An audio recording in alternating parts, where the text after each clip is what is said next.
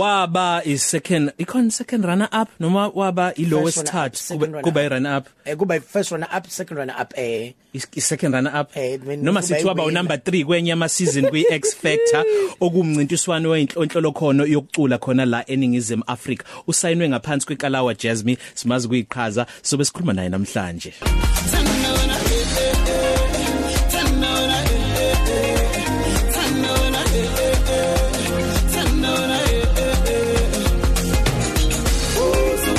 Ngavele kwangathi ngiyaqala ukizwa lengoma yeah Sure. yeah yeah Ingikhumbuza 2019 Talk to 3 Cafe Oh saqala yes, yakhumbula yes, yeah. Iqhaza bathi Yugo Yugo emsazweni ukhozi FM 24 minutes after 2. Sike hona lekugcina nelesithathu le Talk to 3 Cafe. Lalela ke isitebele angaphansi kwaso kulezi iqhaza Oskido Maphorisa Professor Uhuru Mandla Spikiri Trompies Mafikizolo Sho Bongo Muffin Busiswa Zinhle Candy zonke. Tamandebele babes. hayibo iziqhaza samukela umbongeni owaziwa ngomo mavuso Hi, hey hey hey Sanibona sanibona. How are you? And I swear.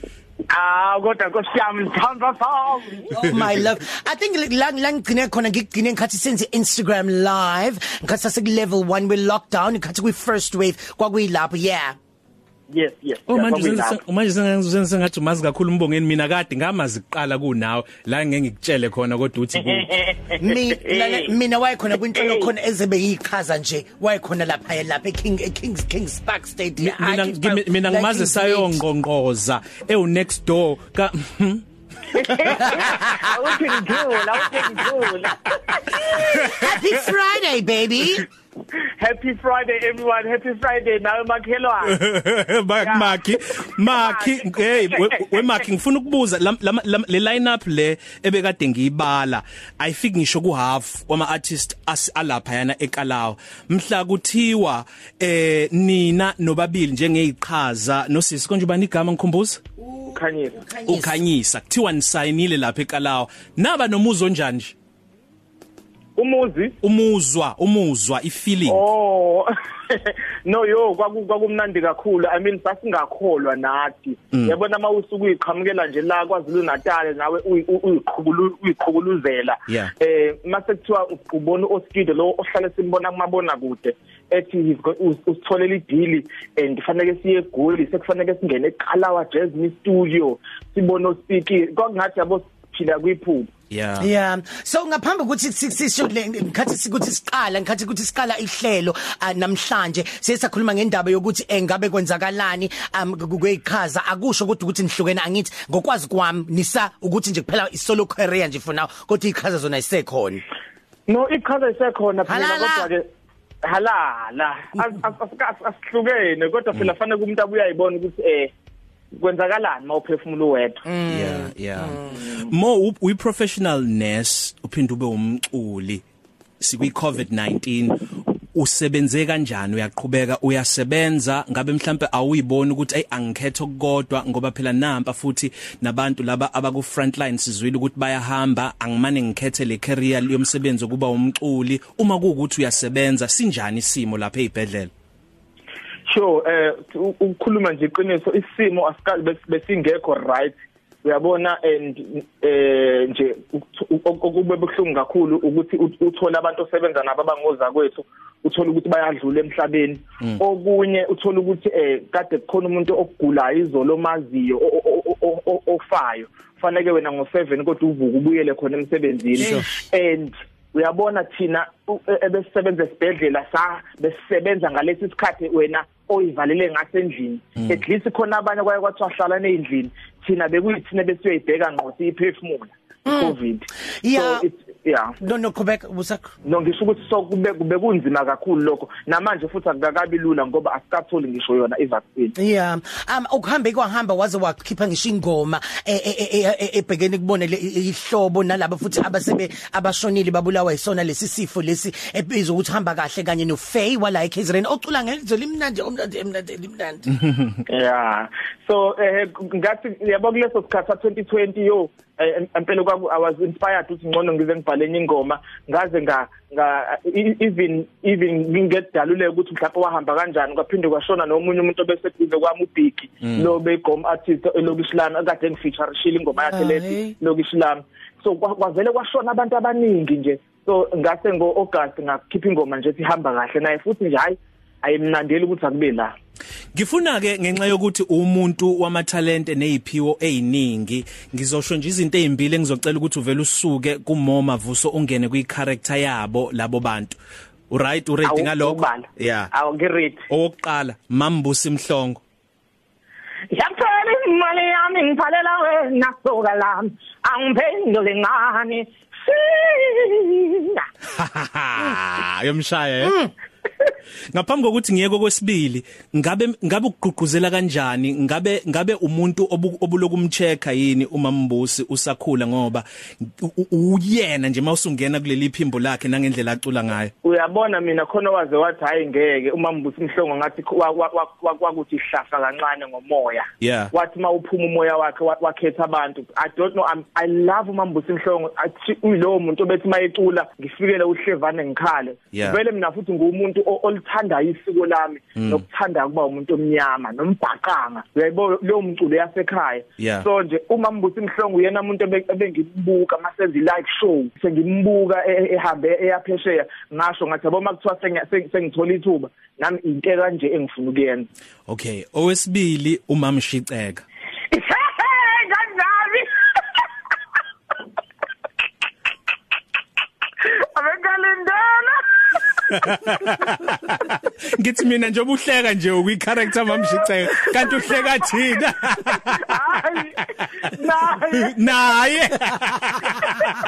Asiba asithathe ikhefu kancane. Onoma ufuna ukuqhubeka mshaye mshaye. Uma mshiceka ngena kuyena. yeah. Sanibona neyingane zami umamshiceka lona nkosi yami abantu besilisa ave beyinkinga njalo lapho ngaphandle. Wesiya wena. Yeah. Nizwile ukuthi kufanele kube nesitifiketi sokulobola. Ngisemsakazweni ngiyosangena bangalobolile. siyakwezemidlalo siyabuya nomoma vusi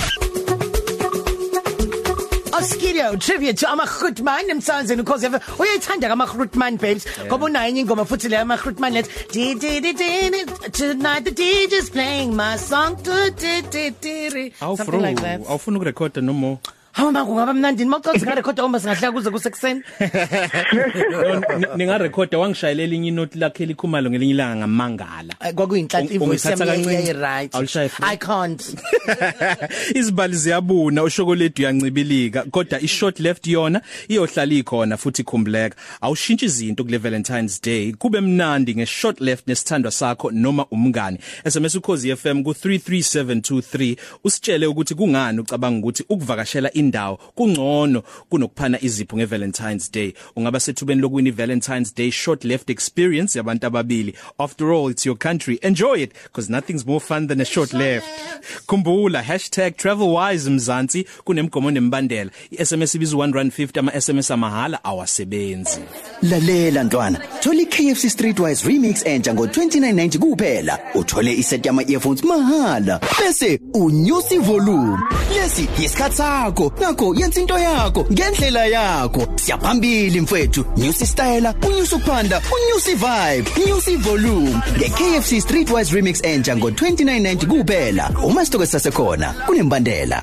Sithembisa abalaleli ukuthi soba wishela happy birthday namhlanje akho ngikhumbuze nje ngaphambi kokuthi Oh yes. Ya babhalile babhalile futhi ku Twitter ngiyamangala ukuthi abantu babhalwe happy birthday. Bazi nje ukuthi singabi nengosi la kuthiwa happy birthday. Yeah uthembisile it's fine. eh and since siyawusha manje msekumo ngaphambi kokuthi sivalele Hi Mama Vuzo we back.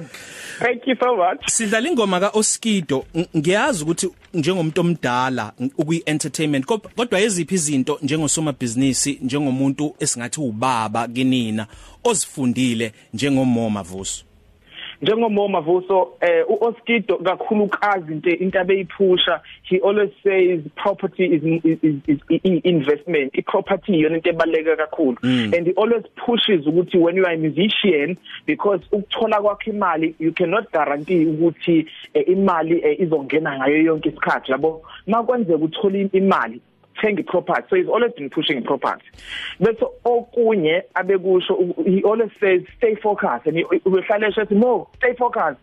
So ukustay focus wakhe usho ukuthi wasayina ukuba umculi. So ngisho ngashaya u6 ekseni use studio ucula musukhala wena wathi ufuna ukucula. Yeah, ngiyafuna sibuye kule property ngoba singamatoho njoba sama independent contractors noma ama freelancer. Yebo ungayithola ibooking noma bebamili noma bemathathu noma be10 ngenyanga. Kodwa kuyaye kube nzima lapha yama kuyongqongqozwa.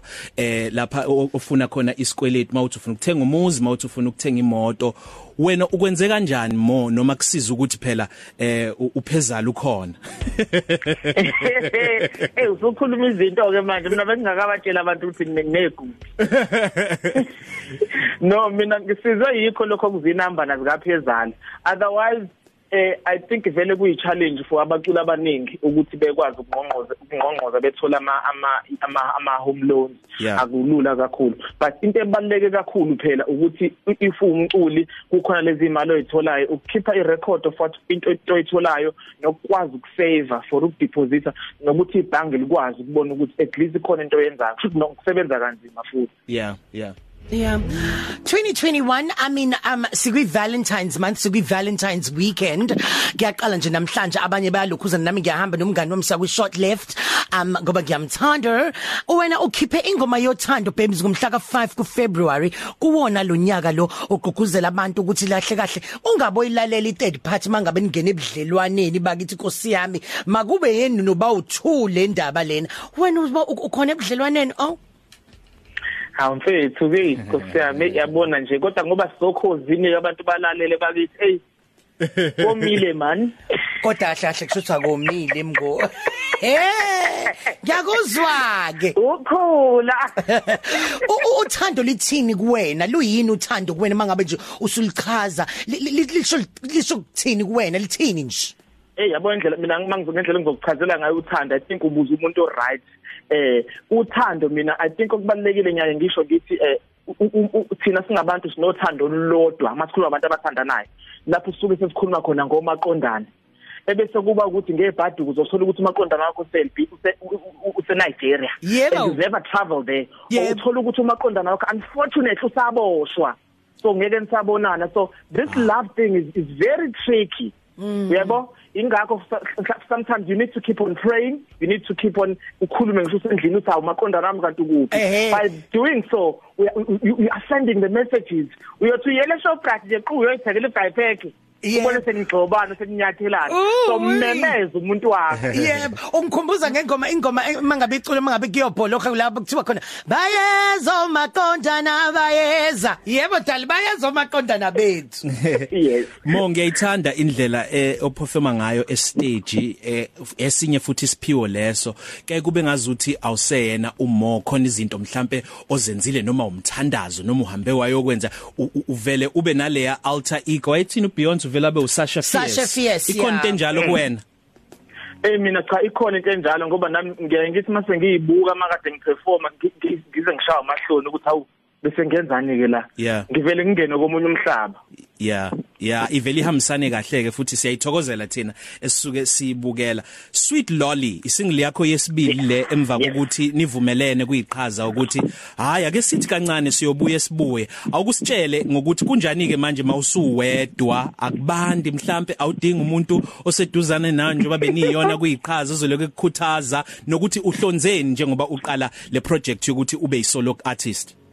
Okay uba solo artist obviously akukho lula but ngingasho ukuthi mina uNkulunkulu ungenzela inhlanhla eyisimanga ukuthi angihlanganise nomfana okuthiwa ungcebo omdima insizwa leya kwamashu eh oqala inkampani yakhe iCharlie Communications wayiqala nje from scratch they are doing it PR the marketing.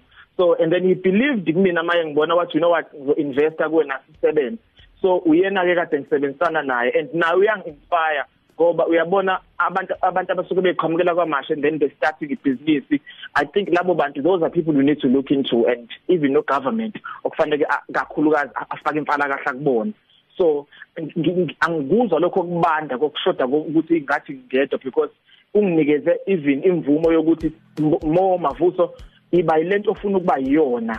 Thina bese usilende usilethela umuntu okholelwa kuwona thina sobe sesiwuphusha. Nazo. And then masithene uphusha lapho ke bawuphushele bawuphushele bani? Thina isuke sikulindele lo msebenzi. Omuhle omangalisayo. Sikuthola kuphi einkundleni zokuxhumana mabuzo awu einkundleni zokuxhumana yabona ngoba ngisokhozi inkosi yami. Siya Yeah. inkosi Yeah. yami bengicela kuvele ukuthi ibhunje noma 100000 kuma kuma socials Yeah. eh ku ku Instagram umo umono 8 mo h_mavuso eh bese kuna ku Twitter futhi umo_mavuso na ku Facebook umo mavuso nkosama bangilandela abantu mina ngiyakhuluma nabantu angifili celebrity ofuna iyalo zempilo eh ofuna eh yonke into nje afo- afuna ukuyibuza.